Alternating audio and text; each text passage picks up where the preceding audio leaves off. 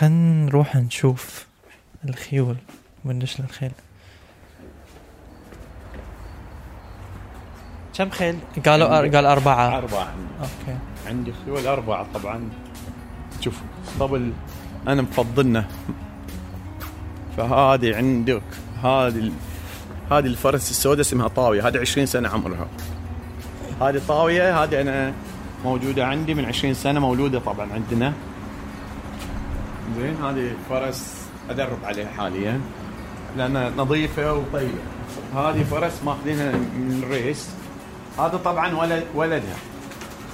هذا الحين عمره سنة ونص. هي قام من الأرض؟ إي هذا الحين. آه. إي قاعد شري هو يحب يلعب. خليك بعيد. إي شري هذا ولدها ولد البيضة هذا آه. هذا ابوه حصاننا حصان أسود إسباني.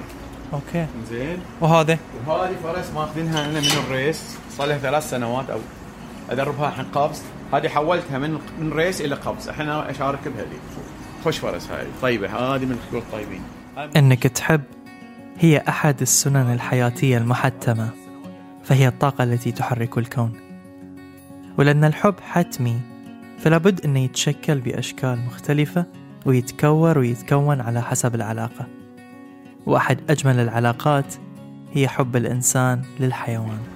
ترى أنا مصروفي عليهم مو على نفسي. والله ما اصرف على روحي أنا. كله عليهم إليهم. خيرة ما تخافون نسح عليها خيرة. لكن شلون لو كانت علاقة الإنسان بالحيوان تتعدى حدود من أنه يكون حيوان أليف يلعب معاه كل يوم؟ إلى أنه يكون رفيق الدرب ومصدر الرزق وأساس الهدف ودليل الطريق ونجم الشمال. هاي اسمها؟ هذه اسمها مكلاشة أنا مسميها. مكلاشة. مكلاشة. مكلاشة طاوية. طاوية. آه نوف. نوف. إيوه هذا طاوي سميناه على حسب حصاني. السمي. السمي. هذا طبعا مخلوط إسباني بال بالفرنسية. بال- بالفرنسية دي.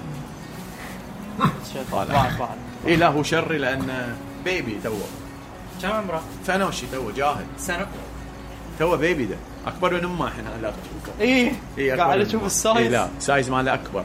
هذا ابوه اسباني حصاني قصتنا اليوم عن خيال وعلاقته بالخيل وحبه لهم عن الفارس عباس الغريفي بين أسوار الإسطبل وبطولات قفز الحواجز وعن خيله المفضل اللي صار معروف دوليا باسم طاوي. وأنا على الأرض حسيت إن مالي واقفة عقب هذه. محاولة لمناقشة النقاط المفصلية في حياتنا.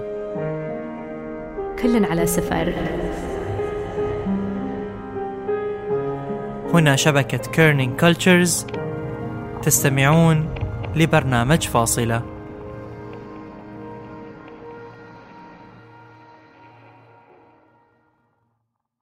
من وعى عباس على الدنيا وهو محاط بكل أنواع الحيوانات. لكن تولع بالخيل بعد ما شاف تعلق خالة فيهم. بس أول لقاء بينه وبين الخيول ما كان يبشر بالخير. يعني أول بداية كان وأنا صغير يعني على طول أنا كنت أحب الحيوانات فخالي اشترى لي حصان. حصان اسمه الغزال. أعور عين. وعين وأنا عمري صغير يعني يمكن في العشر. فخلاه لي الخيل شري وكله يشرد. خلاه هو لي يعني وقمت أنا أركبه. بس كذا مرة يشرد فيني. مرة واحدة شرد في الشارع العام وبغى يختني. ف قالوا لخالي أنا رجعت البيت يعني. رجعت البيت وخالي على طول شال الحصان. قدر إنه يكون علاقة بينه وبين هالحيوان. على الرغم من صعوبة المحاولة الأولى وبدأ يتدرب لرياضة قفز الحواجز. بالخيل عطارد. والفرس مرجانة اللي كانت تحمل لهم مفاجأة. ضليت وقت يعني بسيط فشريت لي خيل. طبعا أنا صغير ذاك الوقت ما اشتغل فأخوي اشترى لي حصان بعد اسمه عطارد فخذيت الحصان ودربته قفز وواصلت. بعدين اشترينا فرس اسمها مرجانة وهذه الفرس ما شاء الله عليها يعني أصيلة.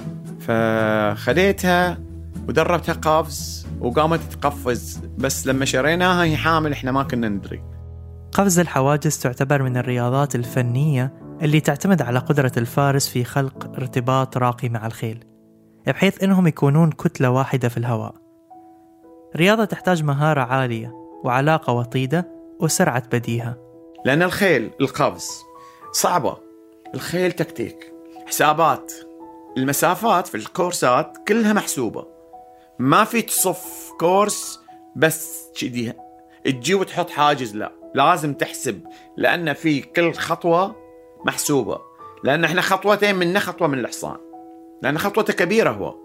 ولد طاوي في اسطبل صغير من فرس أصيلة من دون أي مقدمات. خيل قصير القامة قوي البنية أشقر وبسيط. فهي كانت حامل بحصاني اسمه طبعا اللي هو طاوي. طبعا معروف طاوي في الخليج وبعض الدول الأوروبيين اللي يعرفونه. وقمت يعني ربيته لما دربته صار ما شاء الله سوى لي تقريبا ما بقول ألف كاس ولا 1500 تقريبا 800 كاس دوليا 11 كاس. فتطور يعني الحصان لين وصل يعني لاشارك به في الخليج. وصار يعني حصان مهيب في الشوات يعرفونه يعملون حسابه. لأن حصان سرعة طبعا هو نزيل بس قلبه قوي. طاوي طوى يطوي طيا. أي يقطع. من وين جاء اسم طاوي؟ وليش سماها عباس بهالاسم؟ هذا الاسم أنا ما سميته الصراحة. هذا أول ما ولدوه في بيتنا. عندنا صديق الله يرحمه يجي ليليا ويقعد عند بيتنا يطالع فيهم ويجيب عشاء وياه يعني قاعد ياكل رجال كبير. قال ليش سميته؟ قلت له ما سميته. قال لي هو فرس آه، نثيل وذكر قلت له هو ذكر. قال ليش ما تسميه طاوي؟ ولا شيء. على طول قلت له خلاص اسمه طاوي. والشخص ده مو يعني مو صاحب خيل ولا شيء. إنسان على قد حاله ترى فقير. بس قال لي خذ الاسم ده. بدأ عباس يشارك في بطولات قفز الحواجز محليا وإقليميا ودوليا. ولأن البطولات صار لها سنين تسلسلها في القصة غير محتم. كنا نزور ذكريات مبعثرة من ذاكرة عباس في كل دول العالم ونبدأها في الإمارات. أول بطولة عرف فيها اسم طاوي بعد ما استهان فيه المشاركين.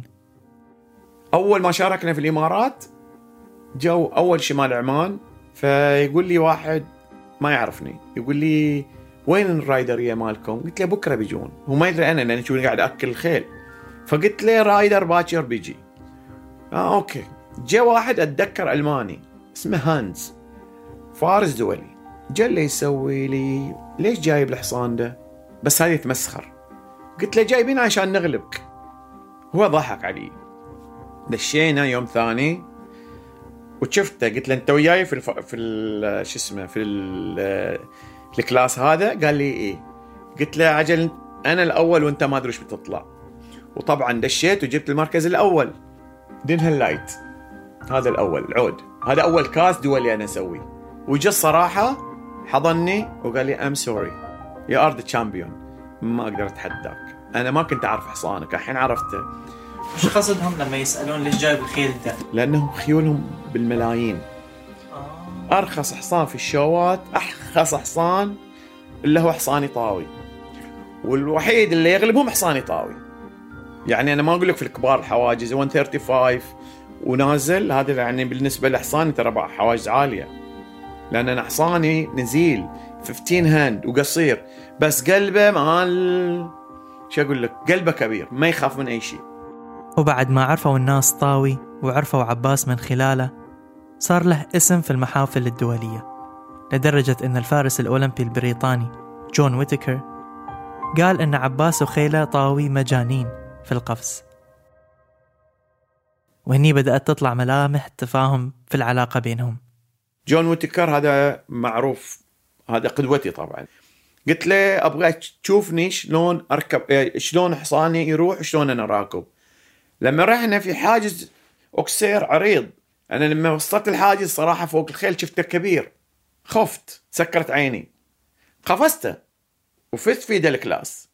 يوم خلص رحت له قلت له إيش رأيك فيني؟ قال لي you and your horse both crazy قلت له شلون؟ يقول لي أنا ما أقدر أودي حصانك ده شلون سكرت عيونك؟ قلت له إيش رأيك أنت؟ قال لأنه في علاج شوف لأنه فارس قال ما يسكر عينه إلا عند الثقة العمياء. أنا عن نفسي ما عندي حيوانات أليفة لكن ودي تكون عندي قطة يوم من الأيام. ولهالسبب ما أفهم شلون يتكون هذا الحب بين الحيوان ومالكه. شلون ممكن يفهمه؟ شلون ممكن يحس فيه؟ وشلون ممكن يعرف شو اللي يحتاجه؟ يعني اللي ما يفهم في الحيوانات أو في الخيل لما تقول له أنا إذا أتألم حيوان مالي يتألم أو إذا هو في شيء أنا أحس اللي ما يفهم اللي ما ربى هذا شيء طبيعي ما يعرف. بس أنا مثلا بنروح لطاوي أنا ساعات أجي بركب فوقه أنا متألم أنا لأن دائما أطيح من فوق الخيل وعوارات. أجي له وهو ما يقدر يتحرك هو نفسيته مو زينة. فأنا أقول له آه، طبعا عندي أصدقائي أقول له جيبوا طاوي. أجيبه أطالعه. مو الحصان مو طبيعي لأن نفسيتي ترى آه، طبعا نفسية الحيوان ونفسيه الرايدر هي واحدة. يعني أنا لما أكون مربي مو أي خيل تجيبه لا أنا أتكلم عن علاقة. يعني أنا أشتري لي خيل الحين وأجيبه ما يدري فيني. نفس العلاقة بين البني آدم نفسه. يعني أنا الحين أجيب لي آه، صديق أول مرة أشوفه شخص مثلا ما يدري فيني. غير انت قاعد يا شخص. يعني بينكم علاقة قوية. فالحيوان اللي فيك فيه واللي فيه هو فيك انت. العلاقة تبتدي لما تكون وياه متواجد وياه. مثل أنا من الصبح لليل يا خيلي. من تشوفوني؟ تشوف عارفون أنا جاي بعطيهم الأكل؟ والله شو أبغي. لكن علاقة عباس مع طاوي تعدت كل الحدود وتميز عن باقي الخيول اللي كان عباس يربيهم. وكأنما كان ولد المدلل. دربه وعلمه وعطاه من وقت الكثير. وما كان لطاوي إلا أنه يرد الجميل بكل البطولات اللي فاز فيها مع فارسة طاوي علاقتي وياه يعني في بعض الشباب ترى ينادوني أبو طاوي. أنا إيميلي طاوي. الحين ينادوني أبو طاوي. عندي أصدقائنا في هولندا ينادوني تاوي ما ينادوني باسمي. هي تاوي يعني هذا وصلت آه صيت ماله طالع برا البحرين. مو مو حصان أي حصان. يعني خيل إذا مسوي لي هالبطولات مو مسوينها عشان هو يبغى يسوي لا. من أجل خاطر. يعني ما يعني تشوف أنا أجلس طبل من الصبح لليل ما أمل منهم. ما أمل. على طول يا الخيل.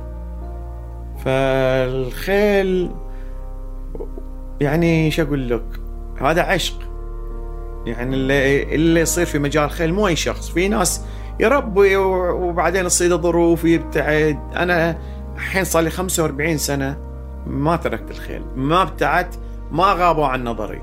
يعني 45 سنة مو يوم يومين. عمر. لكن لكل بداية نهاية. وبعد كل هالعمر اللي قضاه عباس مع طاوي صارت حادثة كانت سبب بداية النهاية لطاوي في هالحياة. لأن طاوي آه، في بطولة الرياض آه، في قفزته طاح على بطنه. والصادة تمزق. وأنا ما دريت فيه يمشي عادي.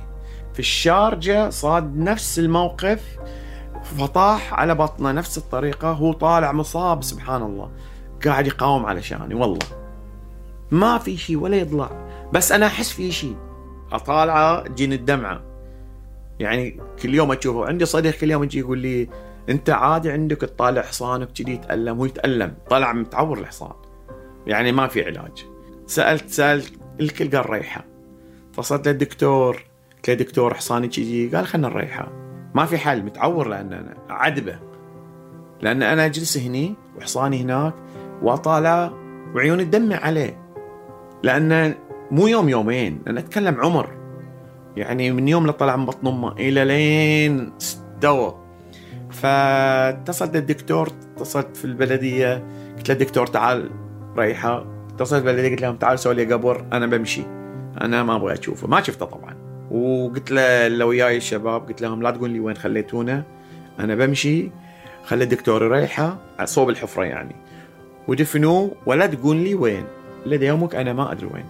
وبعد الموت الرحيم وبعد القبر المخفي عرف عباس أن مثل ما هذب الخيل كان طاوي هذبة. يعني إنجازات الكؤوس من سواها. طاوي من طلع اسمي. صدق أنا دربته بس أنا ما طلعت اسمه. هو اللي طلع اسمي. وأفتخر إن حصاني يطلع اسمي. وعلى فكرة أنا أقول لك إن بعض الخيل هي اللي تدرب الرايدر. وتيقن عباس إنه خلق في هذه الدنيا عشان يكون بين الخيول عشان يسترزق منها ويعتني فيها. يبني لها عربات ويدرب فرسان يتعرف على نفسه ويتعرف على العالم من خلالها. إحنا اعتقد الله خلقنا كل واحد خلقه إحنا ما وجهنا روحنا كل واحد له رزقه في الحياة. أنا خلقني الله من خلقت لهذا اليوم وكان في الحيوانات في الخيل. الحمد لله والشكر يعني. في ناس يمكن الله خلقهم في الخيل بس هم ما عندهم ميول. في ناس لا خلاص في الدم. أنا تقول لي تبتعد عن الخيل؟ ما أبتعد عن الخيل. يعني الخيل مثلا عرفتني على العالم. أنا أروح أي مكان الفارس عباس الغريفي ما يعرفوني الناس بس بالاسم. نعمة عندي. ما عندي وقت فراغ بالمرة. يعني أنا أجي من الصبح إلى العصر وأسوي عربات خيل أخلص أجي أركب خيل أخلص أرد أروح أدرب وأرد أخلص وأرد أواصل. هذه يوميا. وفعلا تعرف على العالم من خلال البطولات اللي شارك فيها. لكنه أيضا سافر حول العالم بقصة كثر ما أبهرتنا كثر ما خلتنا نشك في مدى مصداقيتها. يعني نشوف آه، رف الجوائز اللي فاز فيها كابتن عباس. يبي يقول لنا عن كل واحد منهم آه، في أي دولة وأي مركز. طبعا هذا الكاس الأول كاس استلمه له دينهن light international challenge هذا كان welcome stake. طبعا كل الدول المتشاركه فيه. طلعت في المركز الأول. زين هذه أول بطولة أنا أجيبها المرك... المملكه البحرين. في 96 المركز الأول. هذا كان أي سنة؟ هذا أعتقد مارس 95 في الحين أنا بس قاعد أستوعب إن دليل الجوائز كلها كانت عقب الرحلة. عقب الرحلة. هذه إي نعم. هذه ب 95 96 98 أعتقد 2000 هذا الأردن هذا مركز 2002 2000 هاي في الأردن طبعا. هذا في الإمارات. الإمارات. هذاك اسبانيا طبعا في سنة 2009 إيه؟ زين هذا أبو ظبي المركز الثالث. الدولية طبعا هاي الكؤوس كلها دولية؟ كلها دولية. إيه هذا المركز الثالث البحرين. هذاك البحرين اللي فوق هذاك أعتقد هذا قطر مركز آه ثالث. خاض عباس وأحد أساتذته في الخيل رحلة استثنائية. غريبة طويلة. ما صدقناها أول ما سمعناها. قلنا مستحيل تكون هالقصة حقيقية. ولكن بعد ما شفنا بعيننا الصور والدلائل عرفنا إنها فعلا صارت.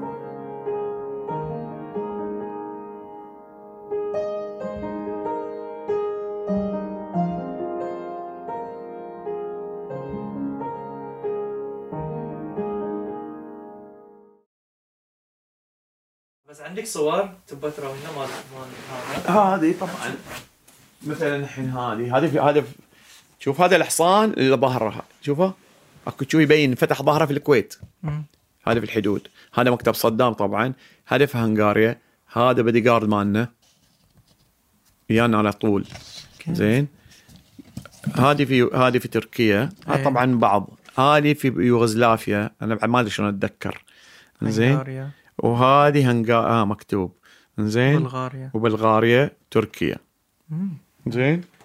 من البحرين إلى فرنسا. رحلة بالخيل استمرت لشهور بين خيام وعفش ومسير تحت مطر وثلج وحر الشمس كلها عشان إثبات حقيقة أن الخيل العربي مو بس جميل بل قادر على التحمل كذلك. الرحلة أول ما صار الله يرحمه محمد غزوان كانوا في آه، أجانب جايين يركبون خيل ففي الموضوع هو يكلمهم. وسوالف يعني عادية. قالوا لي الخيل العربي ترى بس شو ما يتحمل. هم فاكرين أعتقد الخيل العربي مال جمال. فصار هذا الموضوع وخلاص ونسينا. بعد كم سنة محمد غزوان ما راحت الفكرة من مخه. وأنا الصراحه ما كنت من المرشحين. أنا بعيد عن السالفة دي. فأبو سامي الله يرحمه سوى الترتيب بروحه مع جماعة عنده. الجماعة اللي عنده ما بالكلام طلعوا يعني ما وصلوا أنا يوم واحد رايح هناك جلس وياه يعني توهم ما ابتدوا بس بالكلام كان. أقول له إيش تسولفون عمي؟ أنا نادي طبعا عمي هو مثل أبوي يعني.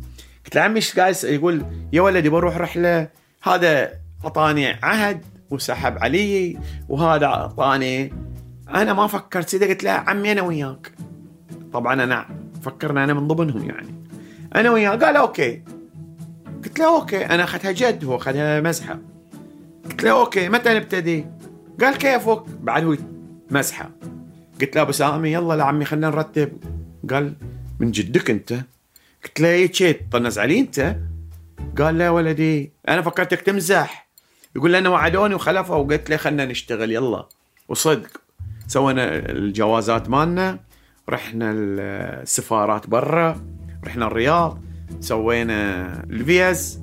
خلاص وعندنا green light حكومة البحرين أو مؤسسة آه، المؤسسة شباب الرياضة خاطبوا الجهات المعنية وصار شيء رسمي وقمنا نتدرب في البحرين. نركب مسار محرق نطلع على سترة نطلع على الرفاع نطلع الزلاق نعسكر في الزلاق نرجع.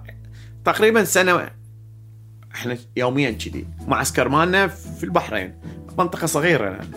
وبعد التأشيرات والموافقات والتحضيرات المستمرة صار الوقت اللي تبدأ فيه رحلتهم إلى المجهول. ولأن حدود البحرين البرية محدودة بدأت الرحلة إلى السعودية ومن هناك إلى فرنسا. المهم أخذنا أغراضنا أربعة روس حصانين ركوب وحصانين حق العفش أغراض وأكل. طلعنا وما قصرت السعودية ودخلنا وصلنا الحدود وريحنا هناك.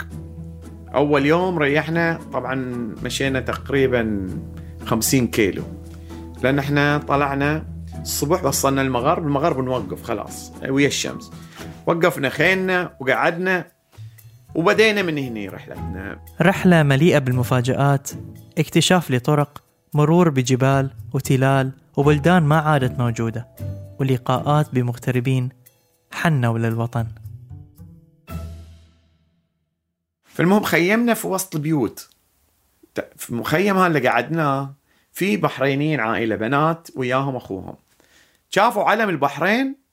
طبعا علم البحرين راية. أي واحد يشوفه يوقف لنا. فجو دلينا عن العائلة أنتم بحرينيين هذا طالعين من البحرين من السبعينات. شافونا مساكين قاموا يصيحون. ما عندهم علاقة في البحرين طبعا. ما جو البحرين بالمرة.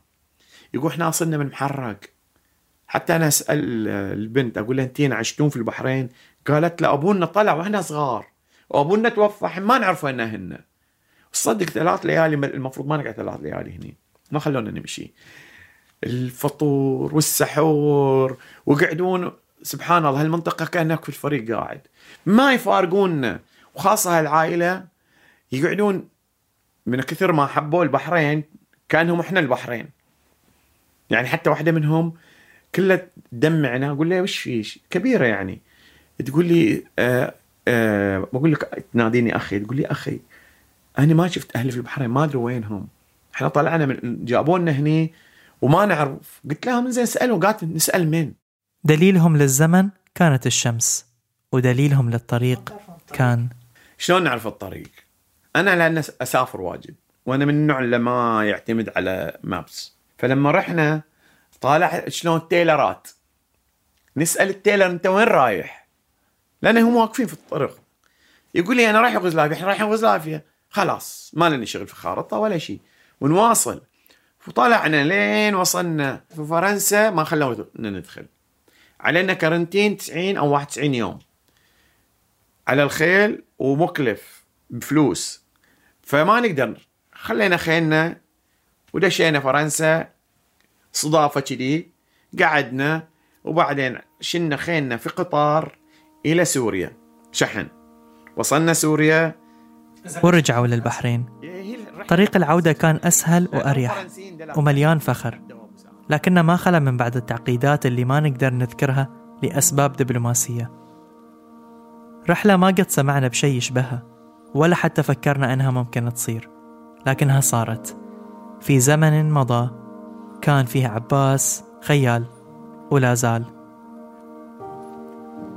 كانت هاي الحلقة الثالثة من الموسم الثاني من فاصلة. من إعدادي وتقديمي أنا محمد جعفر تحرير زين البستقي الهوية البصرية من تصميم هاجر الدغيمي التأليف الموسيقي لكوثر مصطفى التصميم الصوتي لبول ألوف. وفريق البحث عن القصص متمثل في مروى بوهيلة. لا تنسون تشتركون في القناة وتقيمون الحلقة على أي منصة بودكاست تستمعون لنا منها. وشاركوا الحلقة مع اللي تحبونهم. إلى أن نلقاكم في نقاط مفصلية أخرى.